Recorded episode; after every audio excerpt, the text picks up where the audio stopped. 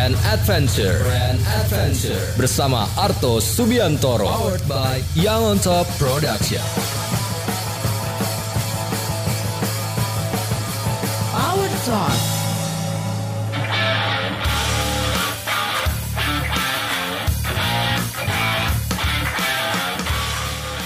Halo, selamat malam Power People. Jumpa lagi bersama dengan saya Arto Subiantoro di program Power Talk Brand Adventure, sebuah program yang membahas tentang kehebatan brand-brand lokal di seluruh Indonesia. Selamat malam dan hari ini kita punya satu tamu yang super keren, keren hatinya dan keren inisiatifnya. Beliau adalah Mbak Aling Nur Naluri, founder dari Salam Rancage dan kita harus mendengarkan hari ini bincang-bincang kita dengan Mbak Aling karena inisiatifnya bener-bener sangat branded banget. Selamat malam Mbak Aling, selamat datang ke studio. Selamat malam Mas Arto, thank you loh diundang sini. Mantap. Wah, Kita deg-degan. break sejenak. Nah, Yep. setelah ini kita akan kupas tuntas cerita tentang Mbak Aling dan Salam Rancage. Jangan ke mana-mana, jangan bernapas. Kita kembali setelah yang satu ini.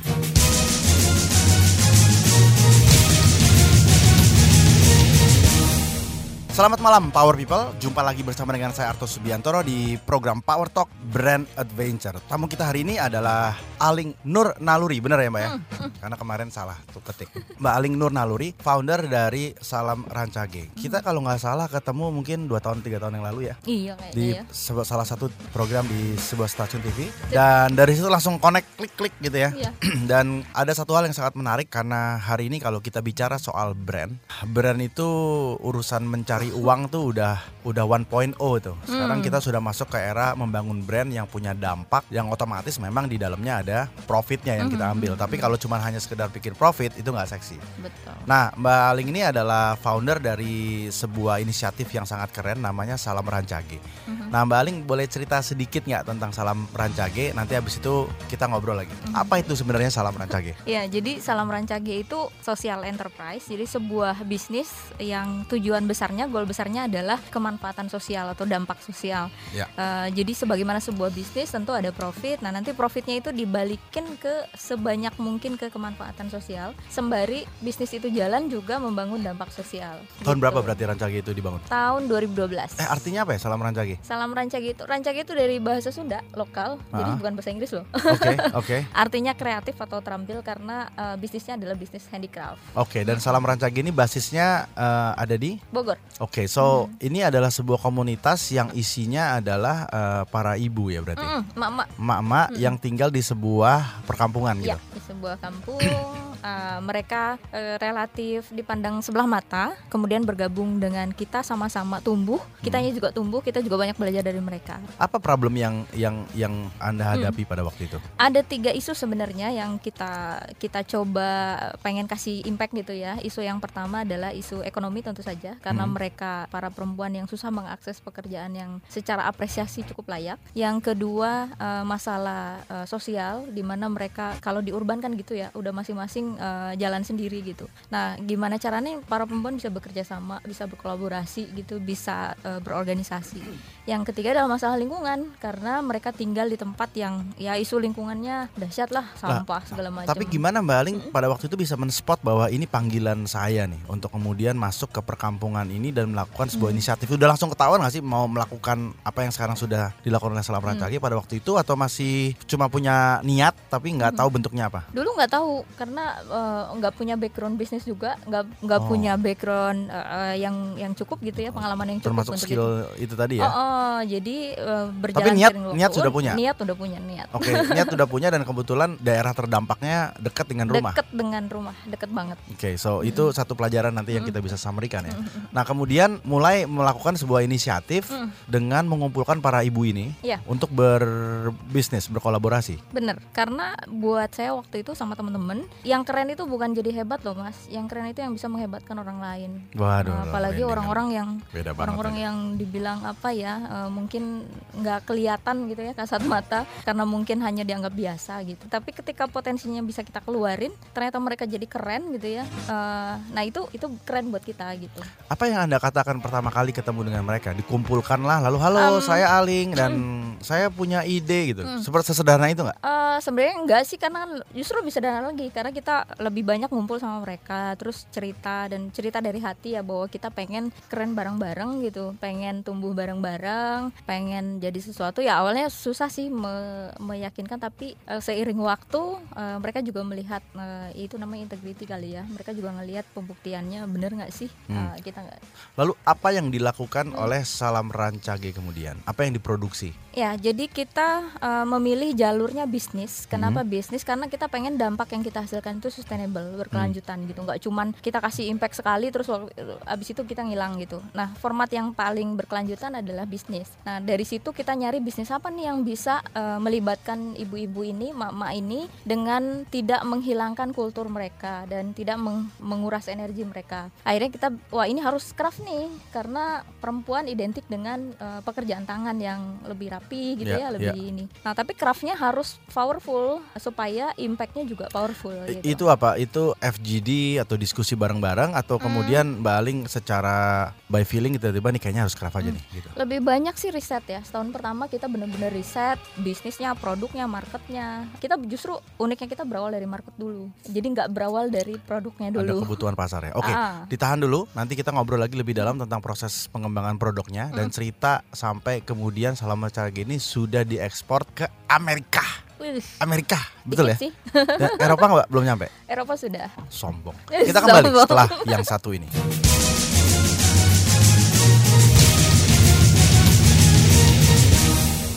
Anda sedang mendengarkan program Power Talk Brand Adventure, sebuah program yang membahas tentang kehebatan brand-brand lokal di seluruh Indonesia. Dan tamu kita hari ini adalah Aling Nur Naluri, founder dari Salam Rancage. Ini orangnya nggak pede banget waktu pertama kali diundang gitu ya, Mas.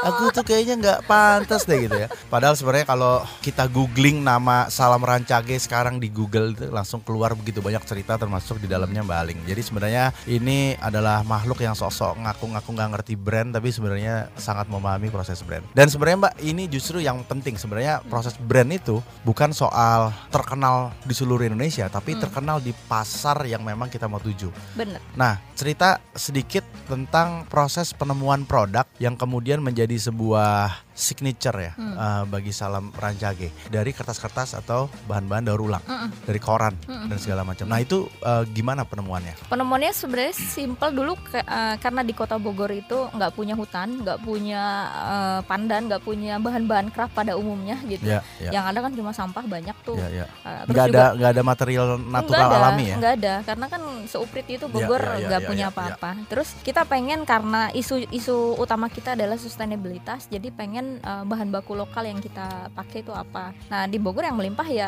saat itu adalah sampah, termasuk salah satunya adalah kertas. Kertas tuh nomor tiga sampah terbanyak di kota Bogor. Jadi Anda melakukan riset terlebih dahulu. Mm, Jadi tahun pertama itu bener-bener riset eh, jatuh bangunnya gitu ya nyobain ini gagal, nyobain ini gagal gitu loh. Karena kalau kalau kita ngomongin eh, langkah pertamanya apa bener tadi bilang langkah pertamanya adalah bangun brand. Hmm. Dan ngomongin bangun brand itu nggak cuman bikin logo atau bikin apa, tapi Ya, bangun ya, ya. brand itu adalah eh, bangun kesungguhan kalau Nah, gue. kan bener kan? udah mulai keluar nih. Gue.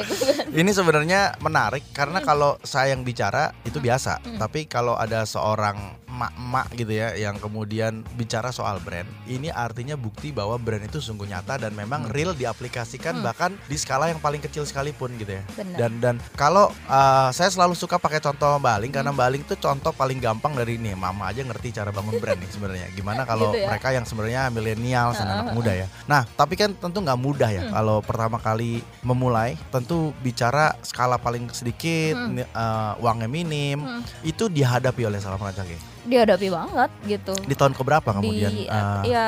penemuan itu menjadi semacam kayak Mm. titik? Ahanya sih di tahun ketiga ya mulai ngerti gitu. Oh uh, ternyata uh, warnanya salam rancak itu begini gitu tracknya jalurnya tuh begini tahun ketiga lah. Tahun pertamanya babak belur dulu gitu.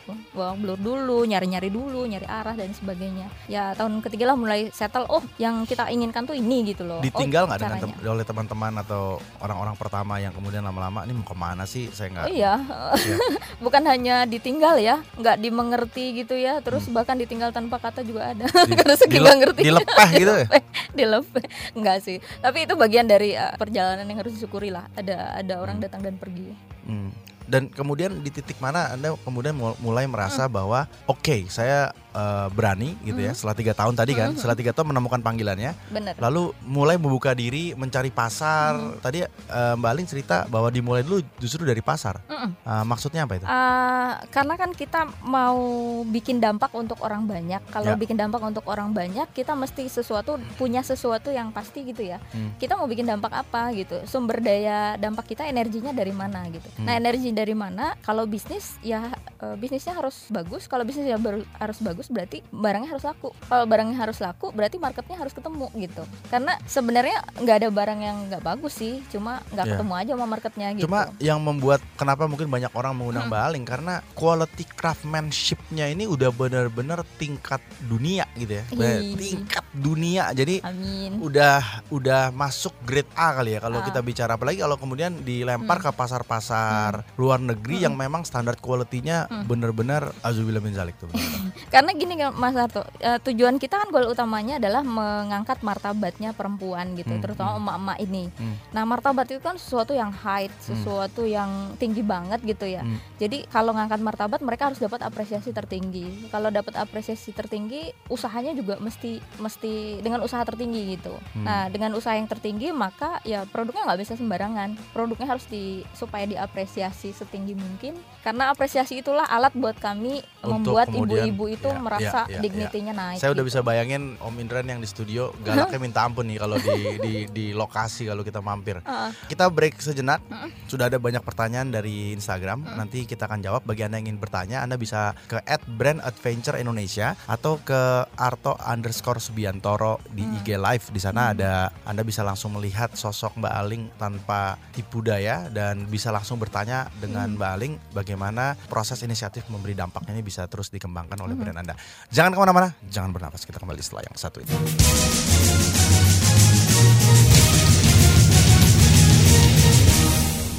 Selamat malam Power People. Jumpa lagi bersama dengan saya Arto Subiantoro di program Power Talk Brand Adventure. Tamu kita hari ini adalah Aling Nur Naluri, founder dari Salam Rancage, sebuah inisiatif lokal, brand lokal yang super keren yang produk-produknya sudah diimport sampai ke Amerika dan ujung dunia. Dan ini hasil dari sebuah perkampungan kecil kumuh biar agak sedikit Oh, lebih dramatis dramatis gitu ya. Ah, di Bogor dengan me- mempekerjakan atau bekerja sama Hmm. dengan 90 ibu-ibu miskin yang ada di sekitar sana Hmm. dan foundernya adalah Mbak.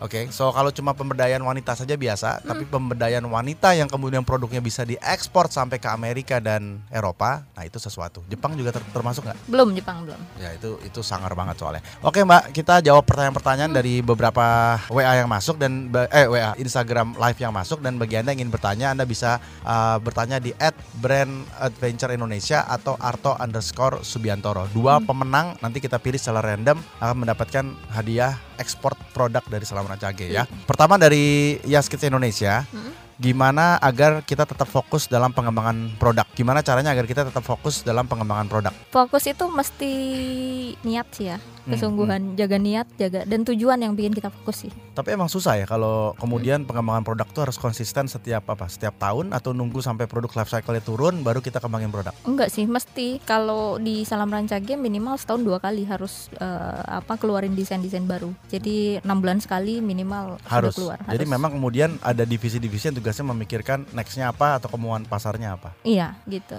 Oke, baik. Dari kreasi pestaku, Mbak Hmm. Aling, produk craft bisa merambah pangs- pangsa luar negeri. Langkah awalnya untuk bisa masuk itu lewat jalur apa? Kalau sekarang kan udah global ya, jadi Hmm. udah terkoneksi. Jadi eh, yang pertama dibangun adalah brandnya. Hmm. Brandnya itu tercermin dari apa yang kita lakukan di. Kalau kita nggak bisa ketemu langsung ya bisa lewat website atau juga Terkoneksi itu maksudnya kita bisa posting di mana iya, aja? bis- kita bisa pakai sosial media, pakai internet segala macam gitu, jualan Oke, di situ. Tapi jualan tuh jualan yang berkelas gitu ya, yang Iya, iya, yang iya. bangun brandnya. Oke, jadi bukan jualan produknya tapi brandnya bukan, ya. bukan. Itu Hmm. yang Anda lakukan juga pertama kali. Iya, karena buat kita tujuan akhirnya tuh bukan produknya, bukan produknya kejual. Itu produk kejual itu sebagai cara kita untuk membangun dampak tadi. Tujuan akhir kita adalah terbangunnya dampak. gitu. Hmm. Jadi ketika eh, produknya kejual itu prestasi, tapi eh, belum belum jadi tujuan akhir gitu. Bukan final destination gitu. Final Iya, destinationnya adalah sangar nih. gimana mama yang bikin yang bikin produk ini jadi lebih keren gitu hidupnya. Baik, dari Multicraft Telling langkah awal setelah riset produk dan pangsa pasar, langkah selanjutnya apa yang harus ditempuh? menstabilkan rantai produksi karena kita udah dapat buyer misalnya udah dapat market tapi ternyata kita nggak bisa produksi sesuai dengan eh, apa kebutuhannya mereka ya sama aja bohong gitu Oke, dan- jadi dan- jadi dan- stabilin dulu eh, Dan itu terus berproses penyempurnaan ya, iya, terus terus. menerus. Oke, so itu jawabannya buat uh, Multicraft. Kemudian dari Nazamuddin Siregar, bagaimana tips salam rancage untuk mendekatkan hati masyarakat untuk maju bersama? Jadi uh, ini pertanyaan bagus karena Hmm. kemudian kan uh, ini kan inisiatif mengajak emak-emak yang belum tentu sevisi ya. Hmm. Pendekatannya gimana mbak waktu itu? Yang pertama mesti konsisten. Jadi kita ngomong eh, sama yang kita lakukan mesti sama. Yang kedua eh, yang kita lakukan ke mereka mesti tanpa pretensi, harus tulus gitu ya. Jaga jaga bener hati kita bahwa kita ngomong sama mereka bukan untuk manfaatin mereka, bukan untuk apa-apa. Karena eh, gestur itu atau eh, aura negatif tuh ketangkep. Jadi kalau kalau mau ketemu sama mereka tuh bener-bener mesti tulus. Konsisten sama tulus itu aja udah Itu kita bicara berapa tahun ya mbak? Sampai kemudian dipercaya dan di Uh, relatif ya tiap masyarakat ada yang cepat bisa bisa trust sama kita. Uh, ada juga uh, yang butuh bertahun-tahun ya it's okay. Tahun pertama kita dulu mulai dengan enam orang doang loh enam orang ibu-ibu. Dan terus sekarang? terus yang empat itu uh, ada yang dibawa pindah lah sama suaminya terus ada yang ke mana lah ke mana. Yang satu meninggal dunia. Aduh. Jadi tinggal satu. Innalillahi. jadi setahun itu deketin masyarakat sekampung gitu ya. Hah? hasilnya cuma satu bayangin. Tahun pertama? Tahun pertama. Baru sampai tahun ketiga baru tadi. tahun ketiga mulai Di sana ada pertanyaan eh, Mbak Aling, Wih. ada kepikiran nggak co-branding dengan brand dari luar negeri? udah Pah, gila sangat banget. Eh, coba cerita sedikit. Iya, jadi kita eh, co-branding dengan salah satu eh, brand di luar negeri namanya Orange Papaya. Oke. Bisa di searching tuh Orange Papaya. Beliau Orange Papaya ini sebuah perusahaan juga social enterprise juga di Boston Hmm. di Amerika yang akhirnya kolaborasi dengan kita, co-branding dengan kita. Mereka yang sale produk kita di sana. Mereka pegang right dari itu ya. Oke, baik. Masih ada pertanyaan lain di Mm. Instagram kita. Bagi Anda yang ingin bertanya, Anda bisa langsung go to our IG live Mm-hmm. di at Brand Adventure Indonesia atau Arto underscore Subiantoro. Semua pertanyaan soal brand dan bagaimana memberi dampak hari ini kita tuntaskan bersama dengan Mm-hmm. Aling Nur Naluri. Kita kembali setelah yang satu ini.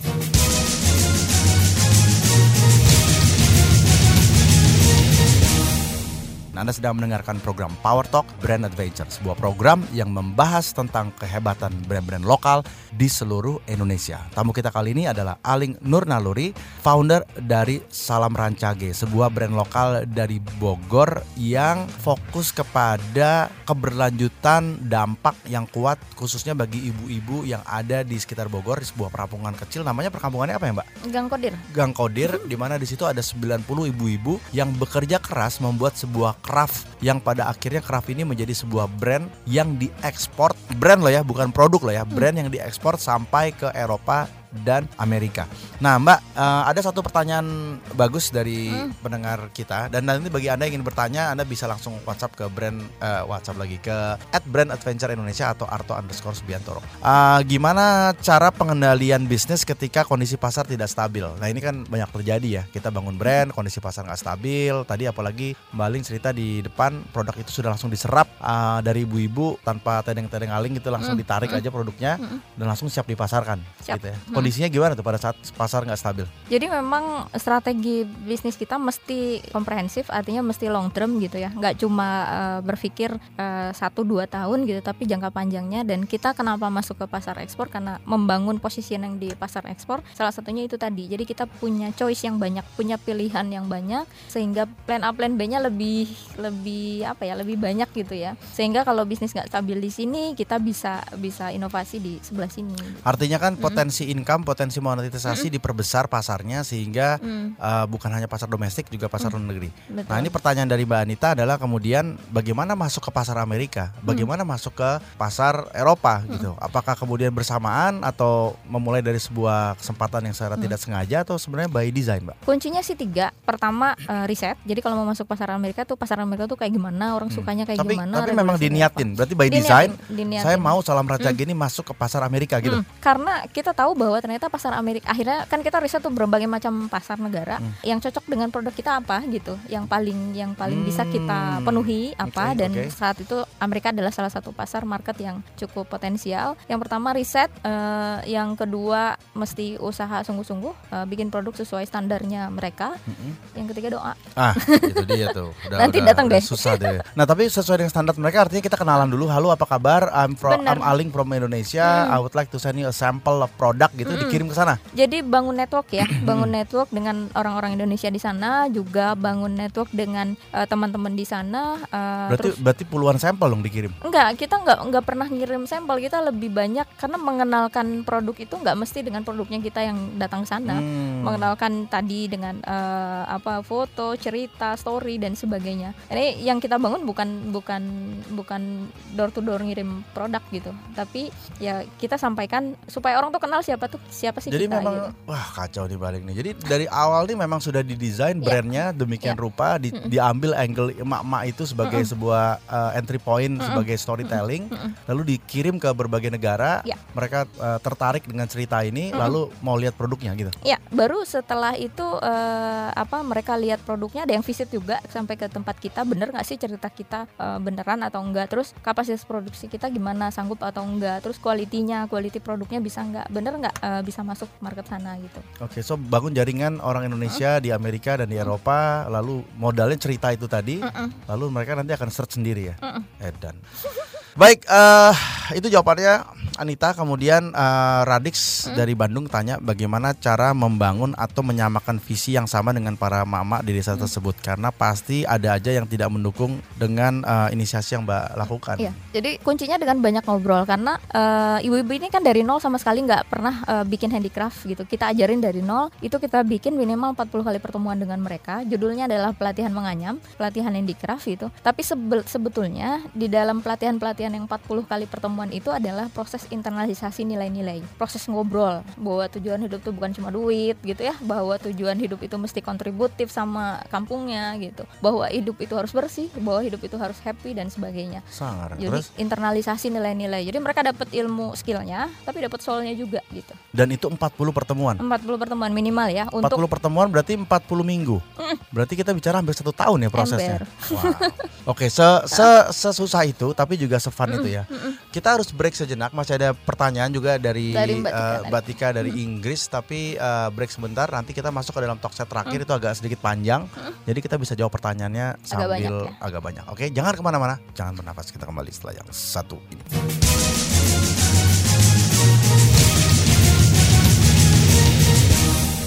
Selamat malam Power People kita di talk set terakhir di program Power Talk Brand Adventure bersama dengan Aling Nur Naluri founder dari Salam Rancage. Nanti boleh di googling yang baru bergabung juga nanti boleh, boleh lihat di IG live karena akan terus direkam. Tapi ada beberapa pertanyaan keren yang harus kita jawab karena waktu kita tinggal 6 menit lagi. Eh, yang pertama pertanyaan dari Mas Adi bagaimana cara membangun eh, modal sosialnya Mbak. Jadi bagaimana cara membangun modal sosial dan kepercayaan kepada mak-mak.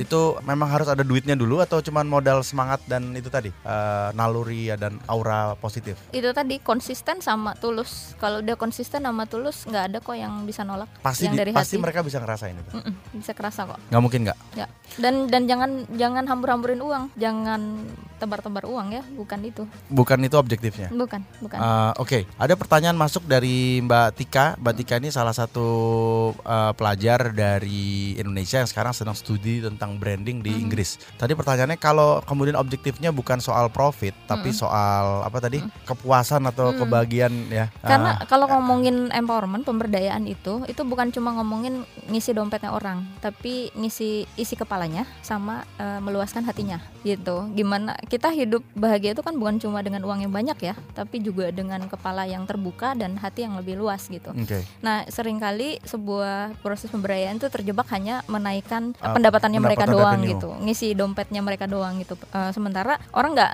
nggak happiness itu nggak cuman itu gitu. Gimana mereka juga eh, hatinya luas, saling tenggang rasa, kompak sama teman-temannya gitu. Kemudian bangun kampungnya sama-sama. Terus wawasannya kebuka gitu. Tapi kalau semangat itu kemudian ditumbuhkan, otomatis secara revenue juga bertambah nggak sih mbak dari pengalaman selama ini? Oh iya, ketika mereka lebih bahagia kan produktivitas juga naik ya. Oh. Ketika mereka lebih kompak, nggak banyak konflik sama tetangganya juga kan eh, mereka bisa lebih fokus untuk Dan itu produksi. bicara 40 kali pertemuan itu tadi ya? Iya, jadi Memang. ngisi dompetnya dengan cara kita jualan Ini kayak produknya. D3 kali ya? D1 apa D3 tuh ya? Setahun ya? Berarti ya ambil ambil Iya, sekolahnya ambil, ya? ambil setahun. Oke Mbak Tika juga tanya kalau boleh tahu ya, apakah risetnya eh, risetnya dasarnya dari mana? Iya, risetnya sebenarnya yang pertama riset market tentu eh, kita cari informasi sebanyak-banyaknya tentang market yang mau kita tuju, kemudian prototyping produknya Oke. itu juga riset karena eh, yang ini bentuk yang ini tidak disukai, warna yang tidak disukai dan se- dan sebagainya Satu ya. tahun itu hal yang wajar ya untuk prototype, Wajar, eh, wajar. prototype, eh, terus kemudian mapping mm-mm. social studies di lingkungan itu kira-kira Mm-mm, satu tahun itu. Iya.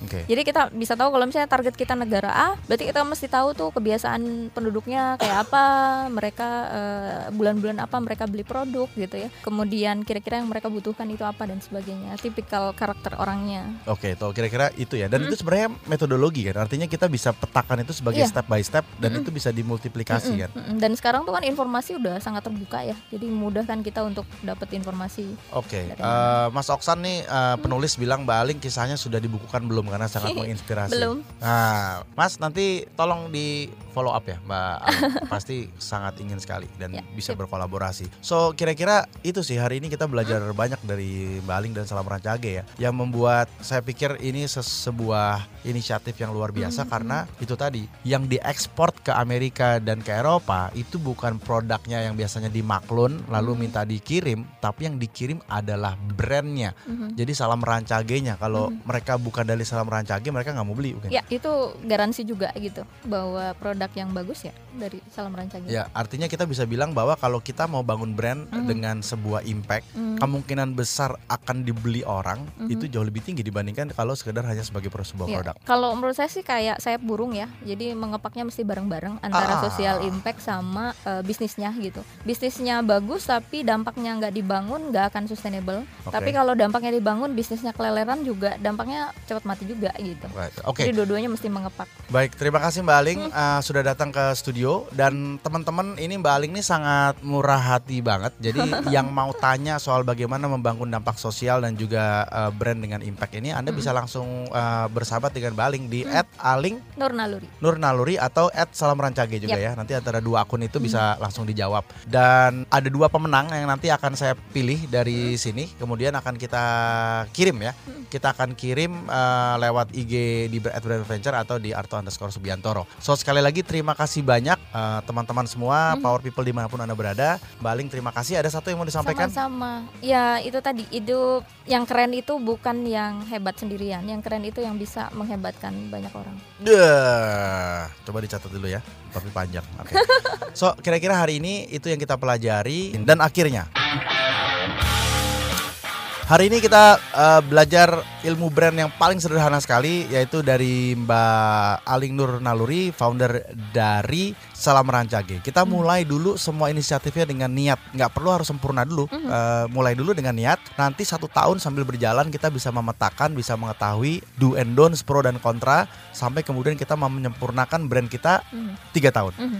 Oke, itu hal yang paling sederhana dan ini dilakukan oleh Mbak Aling bersama dengan para ibu-ibu di sebuah kampung kecil di Bogor. Kemudian tanamkan semangat untuk tumbuh bersama. Mhm. Jadi tidak perlu harus sempurna, tapi proses ini kemudian dibangun lewat sebuah uh, metode penyampaian tentang nilai-nilai, tentang visi, tentang tujuan hidup lewat gerakan yang dipilih dalam hal ini adalah craft. Jadi kemudian Mbak Aling membuat sebuah kurikulum. Jadi penting sekali landasan dasar fondasi yang kuat untuk membangun brand kita dimulai lewat waktu dan lewat metodologi harus bikin kurikulum. Yang ketiga kemudian juga kita bicara soal bagaimana kita memulai dengan cerita yang kuat kita akan mudah membangun brand kita di masa yang akan datang. Jadi mulai dulu dengan membangun brandnya, bukan membangun produknya. Bangun ceritanya, temukan angle yang menarik dan gunakan itu sebagai sebuah strategi untuk mengepakkan sayap tadi. Tadi istilahnya dua Eh, sayap, dua sayap. dua sayap terbang bersama-sama Ya dampak dan bisnisnya. dampak dan bisnis bersamaan. So kira-kira itu poin yang ingin saya sampaikan hari ini. Mudah-mudahan kita bisa belajar banyak. Ada apa-apa Anda bisa bertanya langsung ke Mbak Aling at Aling Nur Naluri atau at Salam Rancage atau Anda bisa bertanya di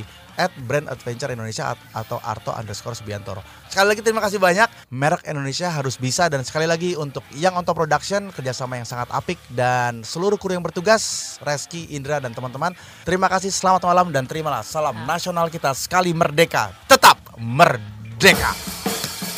Terima kasih kamu udah dengerin Power Talk Brand Adventure bersama Arto Subiantoro powered by Young on Top Production. Sampai ketemu di perjalanan selanjutnya.